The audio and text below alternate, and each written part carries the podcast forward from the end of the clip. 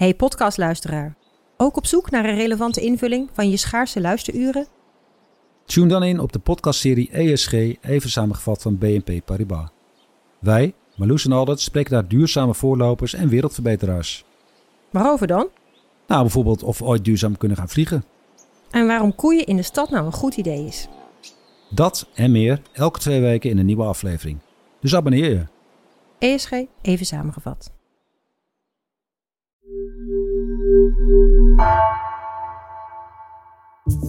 Vanaf de redactie van NRC het verhaal van vandaag. Mijn naam is Egbert Kalsen.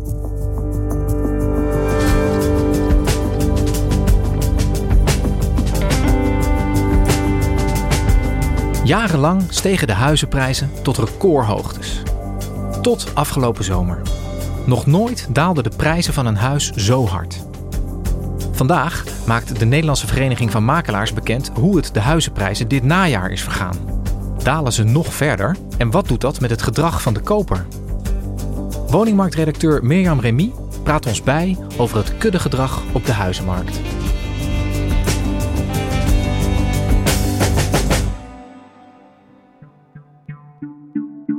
Willem Schilder, dat is een uh, uh, makelaar uit Amsterdam. Hij is 64 jaar en actief in de Watergraafsmeer. Dat is een, echt een gezinnenbuurt in Amsterdam-Oost.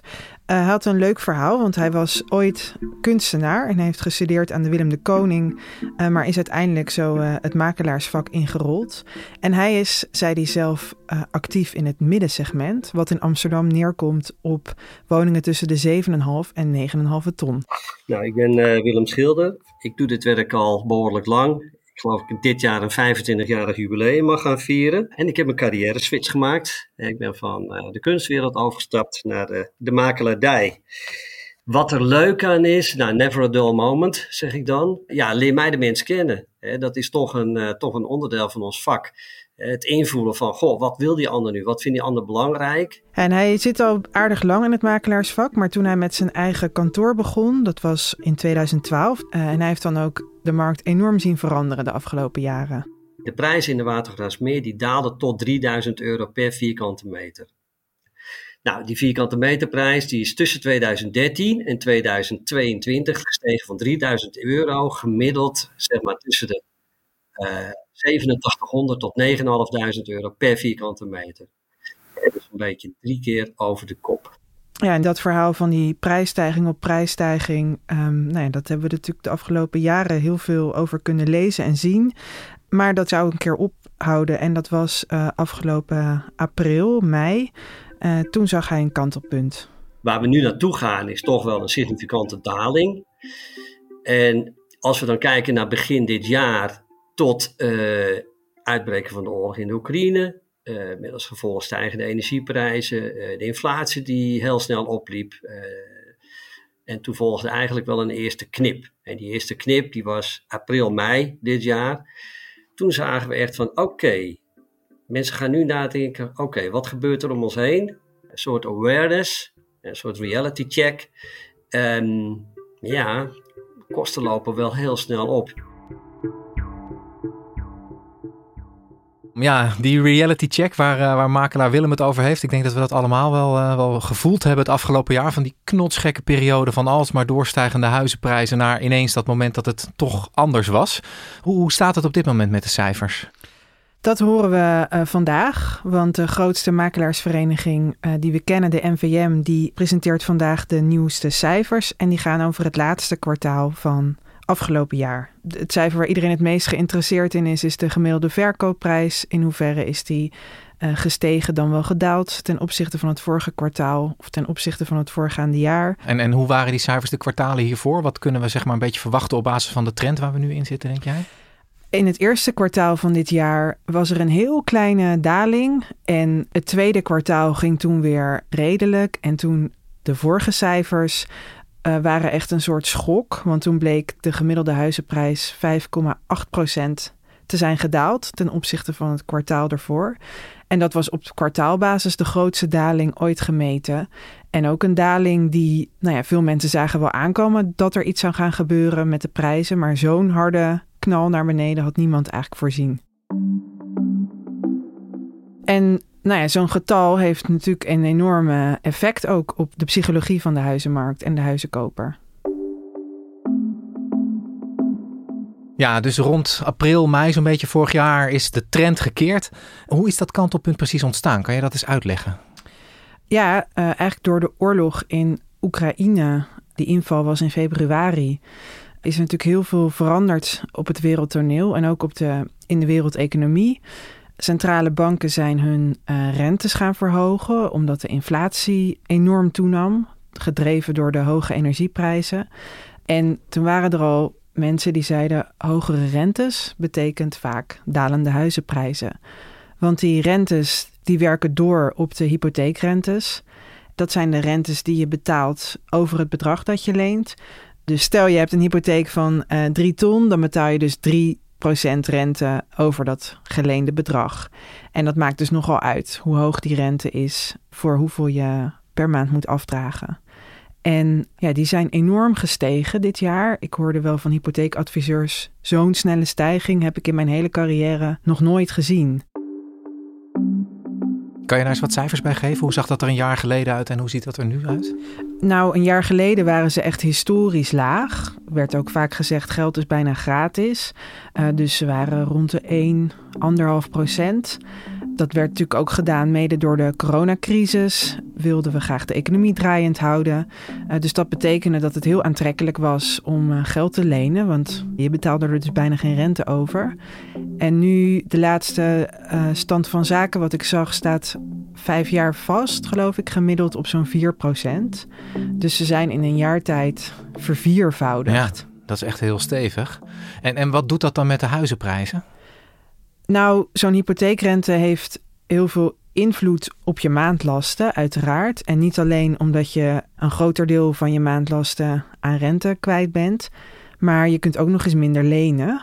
Dus de betaalbaarheid van de woningen, ja, dat is eigenlijk nog moeilijker geworden voor mensen. En dus was het te voorzien dat het een keer gedaan moest zijn met die hele hoge prijzen, omdat mensen het gewoon simpelweg niet meer kunnen opbrengen. Ja, en je ziet dus die hogere maandlasten, die hogere rentes, die vertalen zich dus ook echt letterlijk gelijk in, in die dalende huizenprijzen. Ja, in dit geval is dat heel snel gebeurd eigenlijk. Ja, ja. Hey, en we waren net al even bij, uh, bij Willem de Makelaar. Uh, hoe zien mensen zoals hij die, die omslag op de huizenmarkt nou terug in hun werk? Ja, wat ik veel hoor van makelaars, dat het opeens begon op te vallen dat de telefoon gewoon minder vaker ging. Uh, mensen blijven op hun handen zitten. Uh, het is wennen aan de nieuwe situatie. En je ziet dat dus aan de aanvragen voor bezichtigingen uh, via de telefoon of via e-mail of via andere kanalen. Zie je, zie je een heel sterke terugloop. Voorheen waren bezichtigingen altijd binnen no time vol. Je had zelfs een wachtlijst. Dus als je een huis zocht, moest je om negen uur s ochtends altijd funda refreshen, direct bellen om überhaupt een plekje te hebben voor een bezichtiging. En opeens merkten makelaars mensen zeggen af of ze komen niet opdagen. Dus dat veranderde. Dus zij moesten mensen bijvoorbeeld gaan bellen van hey, uh, we hebben een huis te koop staan, wil je langskomen? En wat je ook zag, ja, dat huizen dus langer te koop stonden. Soms dan werden huizen van funda gehaald en er dan later weer opgezet voor een lager bedrag. Of uh, toch nog een keer met een ander tekstje of een andere foto. Dus er moest opeens veel meer gedaan worden. Ze moesten aan het werk. Ja. ja. En is die tendens nou in het hele land hetzelfde? Kantelt de huizenmarkt in heel Nederland? De verschillen tussen regionale woningmarkten zijn best wel groot. Dat is ook iets wat de afgelopen decennia eigenlijk pas is opgetreden. Iedereen kent natuurlijk de verhalen over de Randstad, waar de woningmarkt het meest um, oververhit was. En je ziet nu ook dan dat daar de dalingen het sterkst waren de afgelopen periode. Uh, dus gemiddeld was het 5,8 procent. In Haarlem, de regio, was het zelfs 8,5 procent. En in Groot Amsterdam 7,6 procent. En er was één hele opvallende uitzondering, want tussen al die dalingen stond de regio Delfzijl in Groningen, waar de prijzen nog uh, vrij onverstoorbaar doorstegen, maar liefst 14,4 procent. En daar heb ik makelaar uh, Menne Kamp over gesproken. Ik ben uh, Menne Kamp. Ik doe dit werk nu 25 jaar. Die stijgende woningmarkt die kwam bij ons ook wat langzamer op stoom. Geen hoge pieken, geen diepe dalen. Hij zegt, ja, hier doet de woningmarkt het eigenlijk nog hartstikke goed. Woningen verkopen nog goed en ook nog vaak boven de vraagprijs. Maar ook hij heeft wel echt een stuk minder bezichtigers. Er is wel minder belangstelling per woning dan een half jaar terug. We hadden gemiddeld 15 kijkers plus per woning tot ongeveer een half jaar terug. Dan moet je nu van uitgaan dat het nu gemiddeld 6, 7 is. En zie je nou ook nog grote verschillen tussen, tussen soorten huizen? Doen ene huizen het nou nog wel goed en andere helemaal niet meer? Ja, dat is ook iets wat makelaars opvalt.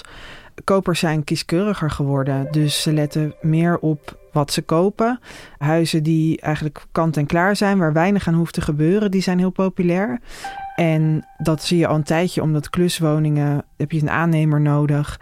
Terwijl de bouwkosten best wel hoog zijn. Aannemers zijn moeilijker te krijgen, dus dat is minder populair. Als het gewoon hele nette, goed onderhouden woningen zijn, die er gewoon ook perfect uitzien, ja, dan merken wij dat mensen die nog steeds graag willen hebben. En als we al problemen hebben, ja, dan moet je bijvoorbeeld denken aan een vrijstaand huis wat gedateerd is qua sanitair en keuken en waar de isolatie niet op het niveau is. Maar daar hebben we wel meer dan ooit wel eens een keer weer ons extra moeten laten zien van nou, verkoop hem ook maar even, want het ging niet meer heel erg snel. Energielabels zijn opeens heel belangrijk. Ja, Ehm, vanwege die energiekosten natuurlijk. Ja, en daar waren Nederlanders kennelijk altijd vrij laconiek over. Dat makelaars die ook veel verkopen aan internationale mensen, die zeggen, ja, die waren daar al veel langer bewust van. Maar nu vragen kopers dus ook vaak naar het energielabel of die willen een rekensom van wat, wat betaal je hier aan eh, energielasten. Locatie is belangrijk, maar niet alleen locatie, maar ook eh, eh, imago is weer wat sterker aan het terugkomen. Interne kwaliteit van de woning, energielabels. Het eerste wat men vraagt is van wat voor label heeft deze woning? Wat zijn de energiekosten per maand? Wat voor contract hangt eraan?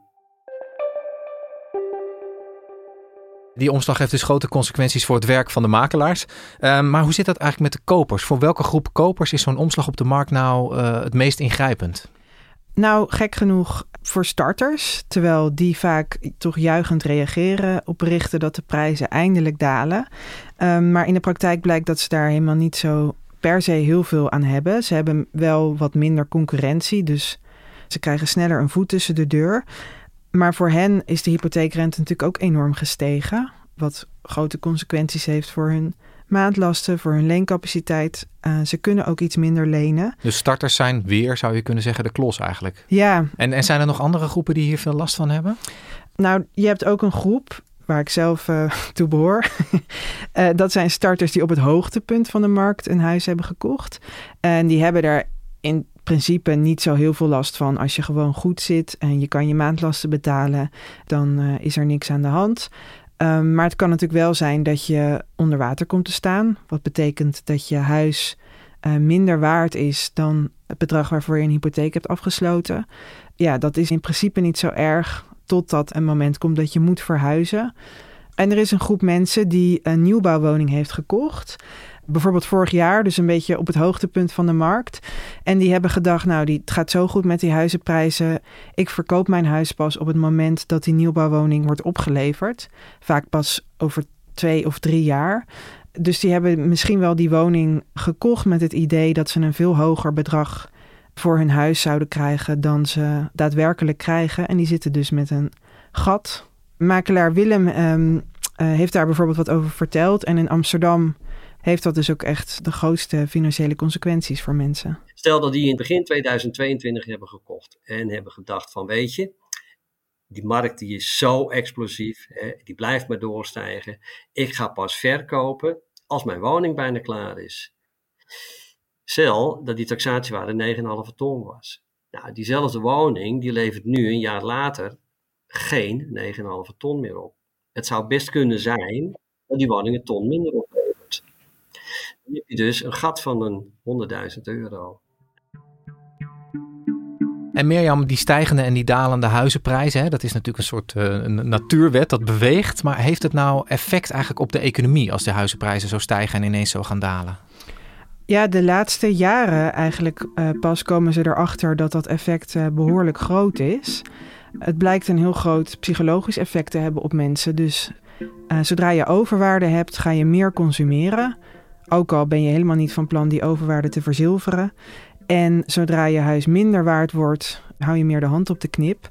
En als iedereen dat doet, of in ieder geval alle huizenbezitters, heeft dat zoveel effect op de consumptie, dat dat ook effect heeft op het uh, nationaal inkomen. Ja, dus ook als je je huis niet verkoopt, is zeg maar de waarde van je huis bepaald voor een deel hoe je economisch opereert, zeg maar. Precies. Ja. Um, en het blijkt dat heel vaak dalende huizenprijzen dan ook voorboden zijn van een uh, recessie. En wat doet nou zeg maar, zo'n omslag op de huizenmarkt met de psychologie van mensen op die huizenmarkt, met de psychologie van een huizenkoper bijvoorbeeld? Ja, je ziet allemaal effecten bij mensen. Dus waarom zo'n omslag vaak een tijdje duurt, is omdat mensen vaak verliesaversie hebben. En dat betekent, nou, ze hebben een bepaald bedrag in hun hoofd van dit is mijn huis waard. En ze gaan er niet zomaar vanaf. Dat kost echt even om te wennen aan een nieuwe situatie.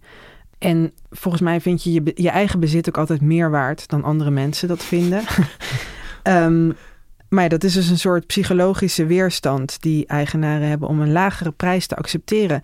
En wat je merkt is dat een jaar geleden moest iedereen een huis kopen en liepen die bezichtigingen, nou ja, die zaten allemaal stampes vol. En nu kennelijk niet. Mensen lopen ook met elkaar mee. Het is ook een soort kuddegedrag. Als je leest uh, dat er een groot woningtekort is, niemand een huis kan kopen, dat maakt dus ook iets in mensen los dat, dat ze denken: ik moet binnen zijn. In dat soort termen wordt er ook over gesproken. Je hebt het ook over een wooncarrière. Ja. Terwijl op het moment dat er zo'n sfeer staat van: nou, dit is het beetje het verkeerde moment, beter niet dan zijpelt dat ook heel snel door bij mensen. Het is een beetje massapsychologie als je het zo zegt. Eigenlijk wel, ja. en hoe gaan die makelaars daar vervolgens mee om met die veranderde psychologie bij die kopers? Nou, ik hoor wel dat zij zeggen dat hun werk nu eigenlijk weer wat leuker is geworden. Omdat ze moeten nu weer hun, hun best doen. Dus ze moeten als ze een woning gaan verkopen, echt gaan kijken wat zijn hier de pluspunten, hoe kan ik deze woning goed in de markt zetten in plaats van dat die toch wel werd verkocht. Ik vind dat zo fascinerend dat zeg maar als die huizenprijzen stijgen, dan is dat zeg maar de grote trend waar iedereen in meegaat en dan vergeten we eigenlijk dat een huizenprijsdaling dat dat eigenlijk ook een heel normaal verschijnsel is in de economie. Ik bedoel, what comes up must come down zeggen ze toch wel eens. Ja, dus nou ja, makelaars die zeggen dan ook van uh, we zien dit niet als een uh, crisis of zo. En uh, zelfs als je het woord, wat me dan per ongeluk toch soms ontglipt, is dat je over dalende prijzen spreekt als een verslechterende situatie of het gaat nog goed als de prijzen hoog zijn. Dan word ik verbeterd, bijvoorbeeld door makelaar Willem je kunt zeggen verslechtering. Ik vind dat ook een wat, wat lastig begrip. Hè? Want alles wat minder is dan wat het was, is een verslechtering. Ik zeg misschien dat we ook naar een normalisering van de markt toe gaan, wat dat aangaat. En vandaag komen dus de, de, nieuwste cijfers over hoe de woningmarkt er nu voor staat van de NVM. Uh, eh, met, met alles wat jij net verteld hebt. Met welke bril moeten we nou naar die cijfers gaan kijken, vind jij? Nou, wat altijd opvalt is dat de NVM het liefst het positieve aspect aan cijfers eruit ligt omdat zij zich ook realiseren dat elk uh, nieuwtje weer een extra effect heeft op die psychologie van die koper. Dus die grootste daling ooit van het vorige kwartaal werd gepresenteerd als meer kansen voor kopers of meer ruimte op de woningmarkt.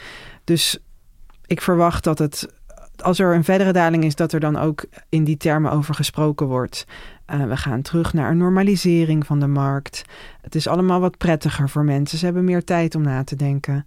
Dat soort uh, geluiden. Maar wat er ook uit die cijfers komt, het is wel in ieder geval zeker dat makelaars weer meer aan de bak moeten. En nou ja, in ieder geval veel meer hun best moeten doen dan de afgelopen jaren om hun huizen te verkopen. Het was, je opent de deur, je laat mensen binnen, je laat ze over elkaar heen buitelen. En twee weken later heb je een deadline en je hebt de woning verkocht. Dat is helemaal over. Dat betekent dus dat je als makelaar gewoon weer een veel duidelijker adviserende rol krijgt. Met alle finesses ervan. Van goh, wat is locatie? Wat is kwaliteit van een woning? Wat is de vraag van de consument? Je moet een modus zien te vinden die voor beide partijen bevredigend is. Ja, en dat is toch elke dag weer. Ja, ik, ik blijf dat gewoon leuk vinden. Dankjewel Mirjam. Graag gedaan. Je luisterde naar vandaag, een podcast van NRC. Eén verhaal, elke dag. Deze aflevering werd gemaakt door Nina van Hattem en Galt Sadokhai. Coördinatie Henk Ruigrok van de Werven. Dit was vandaag. Morgen weer.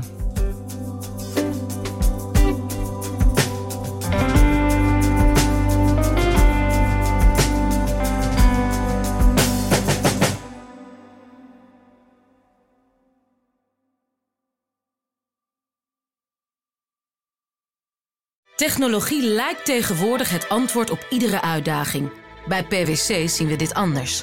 Als we de potentie van technologie willen benutten, kunnen we niet zonder een menselijk perspectief. Human-led, tech-powered noemen we dat. Ga naar pwc.nl.